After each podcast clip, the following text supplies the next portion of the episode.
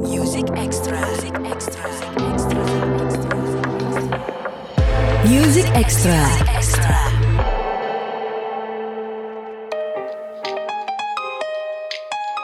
Halo semua, Music Extra hadir lagi. Seperti biasa ada gue Reno Aditya dan kali ini kita kedatangan Stefan Pasaribu. Wow, wow, wow, wow, wow. Kabar Stefan? Gila ada setahun kita gak ketemu ya. Tahun parah, lama banget. Waktu itu uh, awal pandemi COVID-19. Ingat banget gue Instagram live bareng sama Stefan. Hmm. Uh, buat uh, good friend yang belum tahu, Stefan adalah seorang penyanyi solo. Berawal dari suka cover-cover lagu di YouTube, terus terkenal. Gila yang nonton ribuan, ratusan ribu loh. Hmm. Jadilah Stefan dikontrak sebagai penyanyi profesional. Single per, uh, single yang dulu kita obrolin itu kalau nggak salah belum siap kehilangan ya. Ya, betul. Belum siap kehilangan udah pada denger pasti karena yang dengerin di digital music perform juga udah jutaan. Berarti bisa gue bisa bilang Stefan sudah mulai menapaki uh, jalur sukses saat ini. Gimana Van? Amin. Nah, mari kita berdoa bareng-bareng. Itu terjadi. Kan amin, amin, amin, amin. Ya, per- perasaannya sih ya bangga ya, bangga. Uh, bersyukur Oke. uh, sama Tuhan karena dikasih uh, apa ya? Dikasih gift lah, dikasih achievement seperti itu dan apa merasa bersyukur juga ternyata masyarakat Indonesia suka dengan lagu belum siap kehilangan itu gitu sih. Oke, nah pertanyaannya adalah waktu itu lo jawabnya belum. Mudah-mudahan sekali ini jawabannya udah.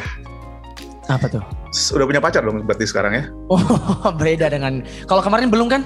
Iya. Kalau sekarang nggak ada. beda, beda kan? iya iya iya iya iya. iya. Ya tapi menjalani profesi penyanyi selama pandemi COVID-19, Van. Gue sering nanya ini sama banyak orang, tapi jawabannya berbeda-beda. Gimana dengan lo sendiri sekarang? Ya, kenapa tuh? Eh, pandemi ini pasti banyak tantangan dong, banyak banyak eh, asam garam yang harus dihadapi ya nggak sih? Iya. Ke menurutku sih pandemi ini menghalangi semua aktivitas sih menurut gue. Dan eh apa ya? Semua pasti pernah eh semua pasti kena dampak dari pandemi ini, even itu musisi atau pekerja lain gitu ya. Eh, buat mencapai kesuksesan atau nafkah atau apa pun itu. Tapi menurut aku pandemi ini jangan menjadi suatu jalan buntu sama kita gitu. Oke. Tapi buatlah eh, pandemi ini menjadi suatu motivasi dan inovasi biar kita berkreasi lebih lagi gitu sih. Dan jangan Ah. menyerah dengan tantangan ini. Selama pandemi ini eh, survive eh, how to survive versinya Stefan ngapain aja Van? Karena kan manggung pasti eh, sangat sedikit ya walaupun mungkin ada on apa eh, online segala macam tapi kan nggak Hmm. seperti ketika masa-masa normal nih. Lo isi dengan apa sih kegiatan lo? Bikin lagu kah?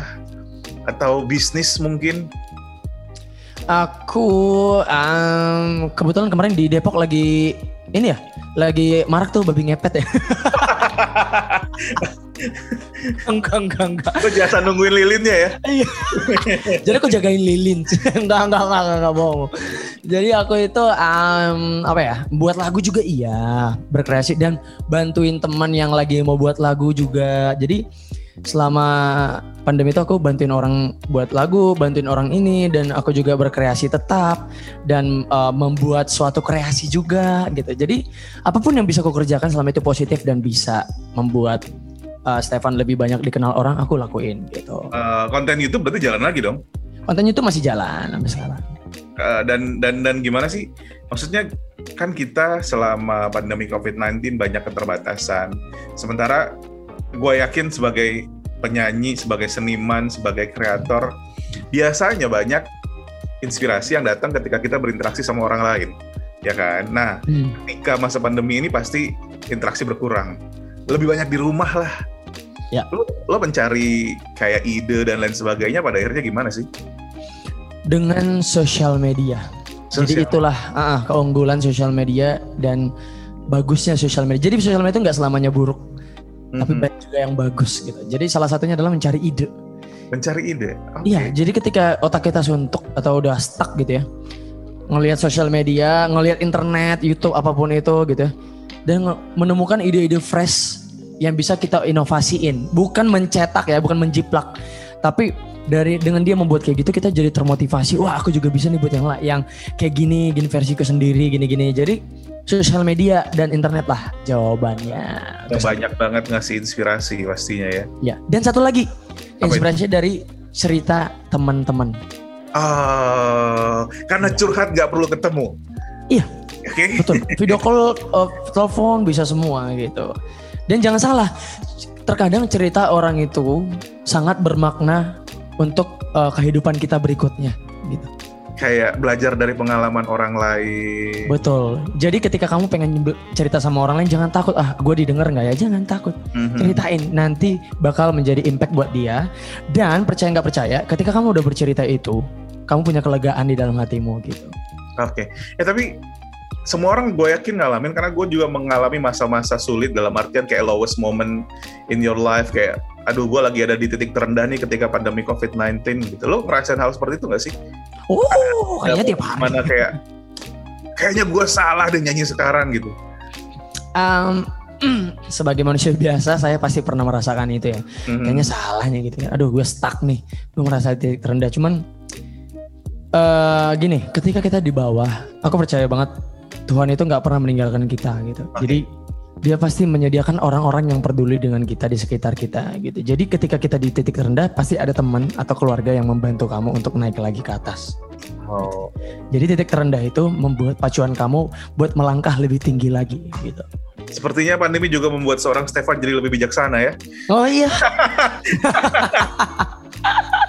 Diajarin pengalaman soalnya. Iya bener bener bener tapi tetap produktif loh jangan salah good friends Eh, selama pandemi nggak cuman belum siap kehilangan atau single terbaru Stefan yang dirilis yang akan kita obrolin hari ini adalah hatiku di kakimu tapi juga ada lagu lain ya Iya, udah disiapin lagu lain, nanti ada duet juga, ada yang lagu upbeat, banyak lah. Music Extra. gue tertarik sama judulnya Ya. gila ini judulnya bucin banget kan hatiku di kakimu Iya.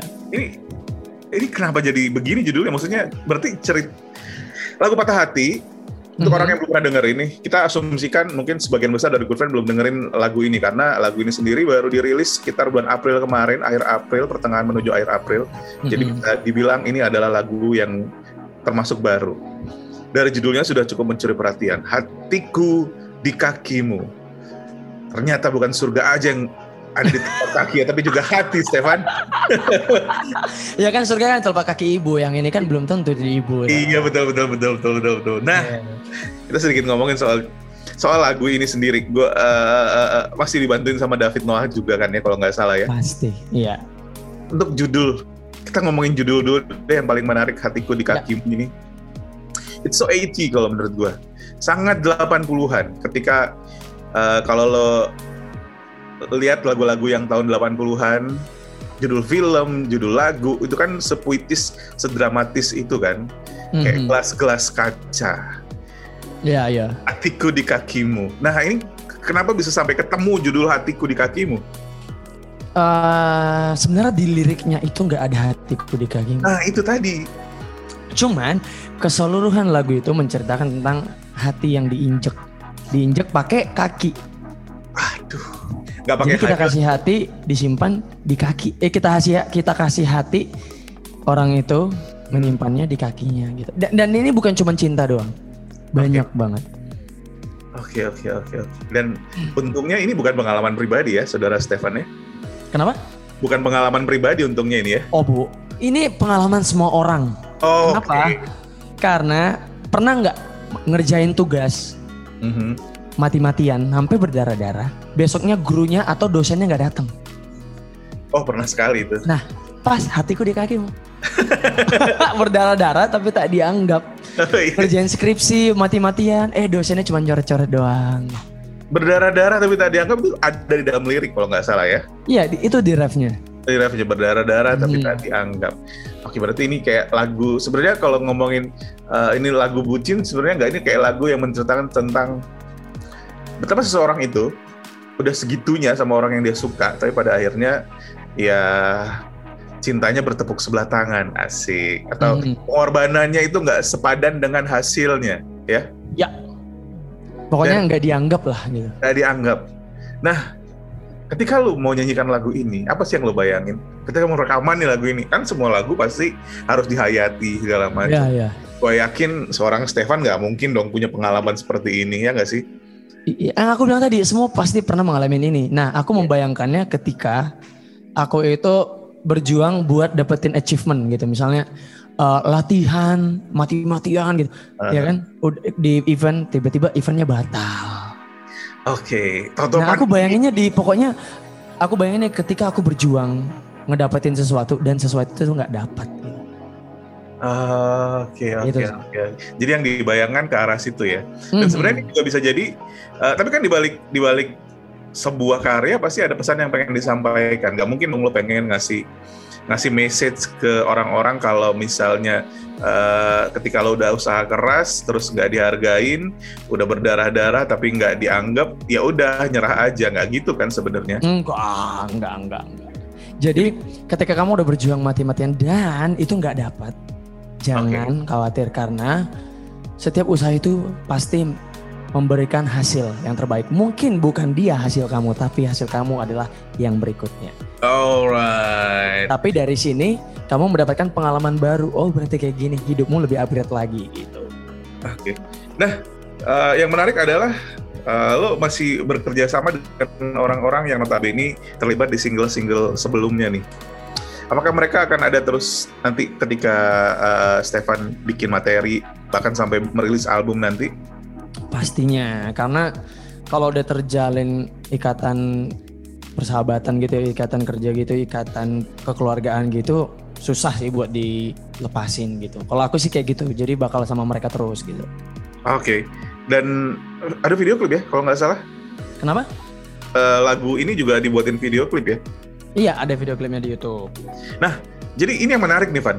Beberapa tahun yang lalu gitu ya ketika gue ketika eh, digital music lagi mulai berkembang dan orang lagi ngerasa kehilangan tempat membuat bukan ya bukan membuat tapi untuk menampilkan video klip ketika TV udah nggak ada video klip lagi TV udah jarang banget bahkan nggak pernah eh, memutarkan video klip dari musisi-musisi akhirnya video klip jadi kayak nomor di nomor dua kan lah ada yang bikin lagu doang tapi nggak bikin video klip. Adapun bikin video klip pun ada sih cuman video lirik aja gitu, nggak digarap serius gitu. Gimana dengan asumsi seorang Stefan sendiri? Mengingat lo kan bisa dibilang penyanyi pendatang, penyanyi baru nih, umur berkarya di, di industri musik belum lama, belum belum bertahun-tahun gitu. Buat Stefan sendiri, video klip musik itu artinya apa sih? Video klip musik adalah setengah dari jiwa lagu itu. Oke, Jadi ketika kamu membuat video klipnya kamu menuangkan eh, makna dari lagu itu yang sesungguhnya menurut persepsi kamu gitu. Jadi menurut aku video klip itu tetap penting buat lagu. Itu sih. dan semua karya lo ada video klipnya ya? Ya, semuanya ada. termasuk hatiku di kakimu. Iya. Gak cuman digarap kayak video lirik aja, tapi kalau misalnya Good Friends cari, segampang keyword adalah Stefan Pasaribu akan keluar tuh beberapa coveran dan juga video klip dari materinya. Video klipnya dibuat serius gitu. Tapi untungnya itu tadi, ketika ya blessing in disguise sih, ketika pandemi COVID-19 hadir, orang-orang kan jadi pada larinya online, dengerin musik online gitu kan, eh, nonton YouTube. Akhirnya orang-orang nyari video klipnya dan ditonton. Kalau dulu kan mungkin kayak ngapain sih nonton video klip di YouTube itu kayak jadi nomor dua. Sekarang berkaryanya lewat YouTube, jadi lebih ngerasa kayak ada purpose ya ketika buat video klip juga ya kan sih. Iya, betul. Video klip udah dibuat single, udah dirilis kalau nggak salah udah ada empat lagunya Stefan Good Friends yang dirilis di uh, Digital Music Perform, termasuk yang terbaru Hatiku di Kakimu. Hmm. Dan kita belum tahu nih pandemi COVID-19 beres kapan. Tapi buat seorang Stefan sendiri, rencana lo setelah ini apa lagi sih? Rencana aku setelah ini uh, menerobos Ush, panggung permusikan Indonesia. Asik. Itu sih. Jadi cita-cita terbesarku adalah bisa berkolaborasi dengan beberapa musisi-musisi Indonesia bahkan internasional di satu panggung yang sama gitu. Ah, iya iya. Eh tapi ntar dulu ngomongin soal musisi internasional lu masih ada yang bilang mirip Bruno Mars gak sekarang? Setelah Masih. bertahun-tahun. udah setahun ya padahal iya, masih masih masih masih gila. yang bilang gitu Ya, ya, ya, ya. tapi nggak apa-apa sih. Dia lebih terkenal soalnya. Siapa tahu bisa Ya. dompleng ya. Semoga aja ininya sama ya, apa namanya, karirnya sama. Rezekinya, karirnya gitu. Iya ya, Iya. tapi karena kan eh, saat ini kayak kayak manggung gitu Van. Manggung kan belum bisa, tapi pasti di kepala itu ada udah udah kepikiran. Ntar kalau gua manggung nih, udah bisa manggung barengan sama band gua, pasti gitu kan akan seperti ini gitu dan lain Ya. sebagainya. Nah, untuk eh, sejauh ini sebanyak yang gue tahu, Stefan kebanyakan bawain lagu-lagu cinta bertem eh, iya, nah, apa ya bertempo middle gitu, slow middle, terus lagu-lagu Hmm. hati gitu. Ketika lu manggung nanti akan gimana sih nantinya? Ketika aku manggung, Pernah berhayal nggak sih? Aku udah udah kebayang sih banyak konsep. Jadi salah satu konsep kayak aku pengen buat kayak yang entertain banget gitu loh, yang kayak megah gitu ya. Kalau memang uh, produksinya banyak, uh, aku pengen buat yang apa ya kayak American banget lah gitu. Cuman digabung dengan paduan Indonesia juga gitu. Ah, Oke, nice. Jadi misalnya aku di awal sekalian main apa main pad juga, main keyboard juga, main piano juga di awal terus nanti bandnya datang. Pokoknya aku udah bisa membayangkan itu sih nanti ketika pandemi sudah selesai gitu. Oke, nah ini menarik nih karena eh, Stefan kan awalnya dikenal sebagai penyanyi yang sering membawakan lagu orang, mengcover lagu orang di YouTube. Mhm. Sekarang saat lo udah punya karya sendiri, Ya, ketika ngelihat orang lain membawakan karya lo, mengcover karya lo, gimana rasanya? Pasti ada dong, pasti banyak dong. Iya lumayan. Ah kalau nggak kalau boleh sombong sih ya banyak lah. Gak apa-apa sombong, sombong itu menambah kepercayaan diri. Oh iya, yang penting jangan negatif sombongnya. Iya bener. Gimana rasanya, Van? Kalau dulu kan ketika lo mungkin di notice sama penyanyi aslinya atau dikasih apresiasi sama orang gitu, wah keren, Ya. lebih keren versinya Kak Stefan nih dibandingkan versi aslinya. Nah sekarang ketika lo ngelihat orang lain membawakan karya lo dan dalam hati lo bilang gini, gila kok lebih keren dia ya gitu. Nah itu aku bilang sama dia, wah lebih keren, lebih keren ini sih daripada penyanyi aslinya. Enggak lah, aku senang banget, parah. Aku baru tahu rasanya ketika orang lain mengapresiasi lagu kita dengan mengcover lagu kita. Dan itu rame gitu yang cover dan aku merasa kayak bangga gitu. Wah bisa ter- ternyata dan jangan salah dari cover-cover mereka aku banyak beberapa mengambil eh, kayak riff and run mereka atau cara bernyanyi bukan cara bernyanyi sih nada-nada yang mereka improvisasi dan aku ngambil ketika aku eh, off air atau on air. Oh, iya, iya. ya simbiosis dan jadi seru. lah ya. Iya. Tapi pernah kepikiran gak sih buat ngajakin mereka kayak jamming bareng gitu di YouTube gitu, Instagram live gitu-gitu? Pernah, pernah. Kalau aku Instagram Live itu sering sih ngajakin mereka eh abis apa eh, live bareng gitu. Dan ada juga yang memang eh, yang bisa bermain musik kak. Duet kak gitu. Oke ayo. Gitu. Music Extra. Uh, FYI good friends, Stefan memang sebelumnya dikenal sebagai uh, so- sosok pemuda, celah pemuda. Yang dikenal lewat duluan lewat sosial media ya kan. Gitu, uh, dikenal karena suka mengcover lagu-lagu. Akhirnya itu berefek positif sama karir bermusik profesional lo ya kan. ya betul Uh, orang jadi lebih jadi lebih ngerasa udah gue udah, udah udah kenal nih sama Stefan karena udah tahu duluan gitu-gitu. iya cara lo untuk me- mensinergikan dua hal itu gimana sih biar kayak po- popularitas yang udah pernah lo punya sebelumnya sebagai seorang eh sosial media influencer atau eh, sosial media celebrity sebagai penyanyi sekarang apa sih yang lo lakuin biar kayak ini saling mensupport nih gitu? Em, aku biasanya gabungin mereka dan jangan buat mereka berantem. Ada tuh yang kayak lu ngapa apa lu ngapain sih sok dekat sama Stefan? Aku itu udah lama kenal dia gitu kayak. Enggak kita itu sama semuanya. That's Oke. why ada satu orang yang membuat eh Stefanio gitu Stefanio itu baru terbentuk setelah belum siap kehilangan itu oh dan itu adalah wadah buat eh, penyemangat untuk Stefan gitu oke teman-teman di sana Mm-mm. Kayak gitu tuh penyanyi baru Aku kayak nggak mau kasih jarak antara apa ya eh, penyanyinya sama eh, fans-fansnya gitu. Jadi aku pengen buat kita tuh sama loh, kita saling dukung. Makanya mereka juga sering curhat sama aku, kak aku punya gini gimana masalahnya. Nah aku sering bantu sebisa aku gitu. That's why terlahirlah Presiden Galau. It- Presiden Galau itu adalah jabatan dari Stefan Pasaribu tahun 2020 sampai 2025 bukan sih? Iya, itu enggak kayaknya sampai 2030 sih, dua periode. Soalnya mereka yang bilang gitu Presiden Galau kata, "Oh, oh, seru juga sih gitu ya. Udah, aku menyandang gelar itu jadinya sampai sekarang gitu. Tapi kan nggak selamanya lo kan bikin lagu galau dong. No, no, no. Jadi maksud aku itu Presiden Galau itu nggak harus galau. Harus Sama kayak rumah sakit. Rumah sakit emang dokternya sakit terus kan enggak kan? Oke. Dokternya bakal sehat terus enggak kan? Nah sama Presiden Galau adalah presiden yang menganyomi mendengar aspirasi-aspirasi masyarakat galau Oke. kan hiburan dan motivasi. That's why Oke. nanti aku punya eh aku buat lagu galau buat menemani ke- eh, kegalauan mereka Hmm. dan aku nanti bakal buat lagu yang fun buat memotivasi mereka jangan terlarut dalam kegalauan mereka. Gitu. Oke. Nah, uh, walaupun sebanyak uh, materi-materi yang udah dirilis kemarin masih secara umum bertema galau gitu ya. Hmm. Tapi kan gue yakin uh, namanya penyanyi banyak klip yang akan di- dilewatin, banyak kayak banyak rencana-rencana target-target. Pasti salah satunya adalah punya album sendiri. Gua nggak tahu akan dirilis kapan, apakah sekarang lagi dibuat dan sebagainya. Tapi paling nggak gini, Van Hmm.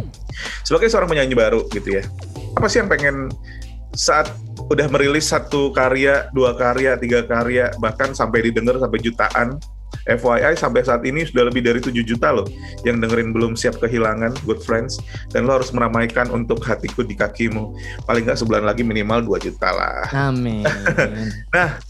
Em, ciri khas ya kan pada akhirnya kan ciri khas sesuatu yang ngebuat orang jadi familiar dengan Stefan. Untuk saat ini udah ada nih Stefan orang yang udah dikenal duluan dalam sosial media. Tapi pada akhirnya nanti ketika dalam tanda kutip persaingan. Karena kan banyak penyanyi baru nih. Penyanyi yang sama penyanyi yang gaya bernyanyi yang sama mungkin atau penyanyi yang udah lebih dulu terkenal segala macam untuk ngebuat orang tetap notice ketika dengar sebuah karya ini adalah karya Stefan atau notice ini adalah seorang Stefan Pasaribu Presiden Galau. Apa sih yang lo lakuin aku kan menyantet bukan menyantet aku menyantet bukan, aku menurut aku gini daripada kita bersaing kenapa kita nggak kolaborasi aja? Oke. Menurut aku kayak industri musik itu kan banyak. Mhm. nggak harus bersaing sih karena pendengar itu berbeda-beda. Kesukaan mereka berbeda-beda. Jadi menurut aku ketika kita udah punya ciri khas sendiri orang pasti akan suka dengan kita nggak usah kita buat-buat kayak aku mau pengen kayak dia aku pengen eh, apa suaraku orang gini-gininya gitu enggak ketika kamu udah punya ciri sendiri orang bakal tahu itu itu itu itu kamu gitu itu Stefan. Jadi kamu eh, mau nyanyi lagu apa pun even itu lagu baru orang langsung dengar suaranya ini suara Stefan. Berarti kamu udah berhasil mencuri hati dia gitu sih. Oke, oke, benar, benar, benar, benar. Jadi jawabannya adalah kayak lewat skill yang udah lo punya, tinggal ngebuat orang jadi lebih nempel aja nih. iya gitu. betul betul betul Ini adalah ini adalah gue loh, lagu-lagu gue seperti ini. Dan tampaknya sih untuk seorang penyanyi yang baru kayak setahunan lebih berkarya, apa yang Stefan lakuin udah mulai berasa loh, good friends. Di tengah pandemi seperti sekarang itu bukan hal yang gampang, percaya sama gue. parah Ya kan? parah bahkan bahkan bikin lagu selama lima bulan tuh gak kelamaan sebenarnya sih eh, lama sih. Cuman ya kan? waktu itu belum sih kehilangan lagi naik banget kan. Jadi sayang kalau dilewatin momennya. Jadi ditunggu aja ditunda dulu gitu. Oh itu alasannya. Mhm. kirain karena kayak pandemi jadi eh, jadi agak agak drop gitu. Oh pandemi mah membuat kita turun naik ya eh, semutnya sama-sama cuman ya kita harus bertahan sih. Sesusah apa pun eh, apa sesulit apa pun masalah yang kita hadapin dari berbagai aspek kita harus tetap survive. Tapi gini Van eh, punya lagu single pertama yang di- disukai banyak orang yang dalam tanda kutip cukup meledak gitu ya. Jadi beban gak sih ketika lo merilis karya lain kayak nanti bakal sebagus eh, karya pertama gua nggak ya gitu Iya, sebagai manusia biasa sih pasti ya, pasti punya pemikiran gitu. Aduh, ini kok nggak sebagus yang pertama. Aduh, ini bakal bagus nggak ya? Ini jadi standarisasinya kan yang pertama. Cuman gini, aku percaya satu hal, lagu itu bakal ada masanya gitu. oke Bakal ada masanya untuk didengar banyak orang dan eh, lagu itu kan everlast, bakal didengar terus nggak ada matinya. Mhm. Jadi mungkin hari ini belum, tapi mungkin beberapa tahun atau bulan lagi bakal banyak orang yang mendengarkan. Gitu. Jadi just wait, tunggu aja dan tetap berkarya, jangan stop di situ gitu. Oke, tapi buat tapi buat orang-orang yang pengen dengerin hatiku di kakimu, Hmm. sebenarnya bisa kapan aja sih. Ketika lo di mana aja atau dalam mood yang seperti apa. Tapi kalau menurut seorang Stefan, lagu hatiku di kakimu itu akan lebih kena ketika lo dengerin ketika apa? Ketika didengarkan sedang apa? Ketika dalam kondisi apa? Atau mungkin harus membangun suasana dulu untuk menikmati lagu ini biar lo dapet esensinya kalau seperti ini gitu. Hmm. Menurut aku hatiku di kakimu itu didengarkan di setiap momen sih. Cocok juga sih. Jadi karena gini katanya kalau mendengarkan lagu belum siap kehilangan sama hatiku di kakimu, even itu kita nggak galau, kita bisa jadi galau gitu. Oh gitu. Hmm, jadi ketika kamu mendengarkan itu di berbagai momen, Heeh. itu pasti kena kok. Oke. Percayalah. Nah, dan gue yakin nggak tahu entah kenapa menurut gue orang Indonesia tuh suka kalau digalau-galauin ya. Jadi buat buat anda anda yang sedang mendengarkan kita, suasana hatinya lagi bagus, terus ngerasa hidupnya hidup gue kok bahagia banget sih. Gue butuh sesuatu yang membumbui. Gue pengen ngerasa sedih sedikit, merasa sedikit galau. Dengarkanlah hatiku di kakimu ya. Dari judulnya aja udah udah menggoda sisi kegalauan orang banyak nih gue yakin. Hatiku di kakimu. Next kira-kira ada judul kontroversial apa lagi yang akan lo kasih? Selain hatiku di Um, kakimu. nextnya kakiku di hatimu. Nggak, terus dalam tanda Nggak, kutip ya maaf nggak sengaja.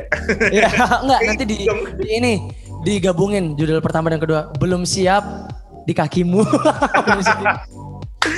Pan Nggak. apalagi di rencana Pan Eh, setelah setelah single yang dirilis kemudian Amin yang dengarkan akan sebanyak lebih banyak mungkin dari eh, single-single lo sebelumnya Amin. Udah ada persiapan gak sih? Mungkin bisa kasih bocoran Hmm, namanya- kita bocorin di sini. Oke. Ah.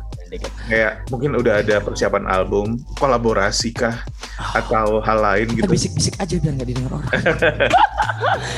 Jadi aku lagi um, lagi mempersiapkan single duet Single duet. ya kolaborasi dengan penyanyi yang dikenal orang juga dan mempunyai suara yang sangat bagus dan Oh, oke. itu adalah eh, jawaban dari single pertama dan single kedua gitu. Jadi sebenarnya aku buat tiga, tiga single yang berhubungan. Trilogi, trilogi ya. Yoi. Nice, keren, keren, keren, keren, keren.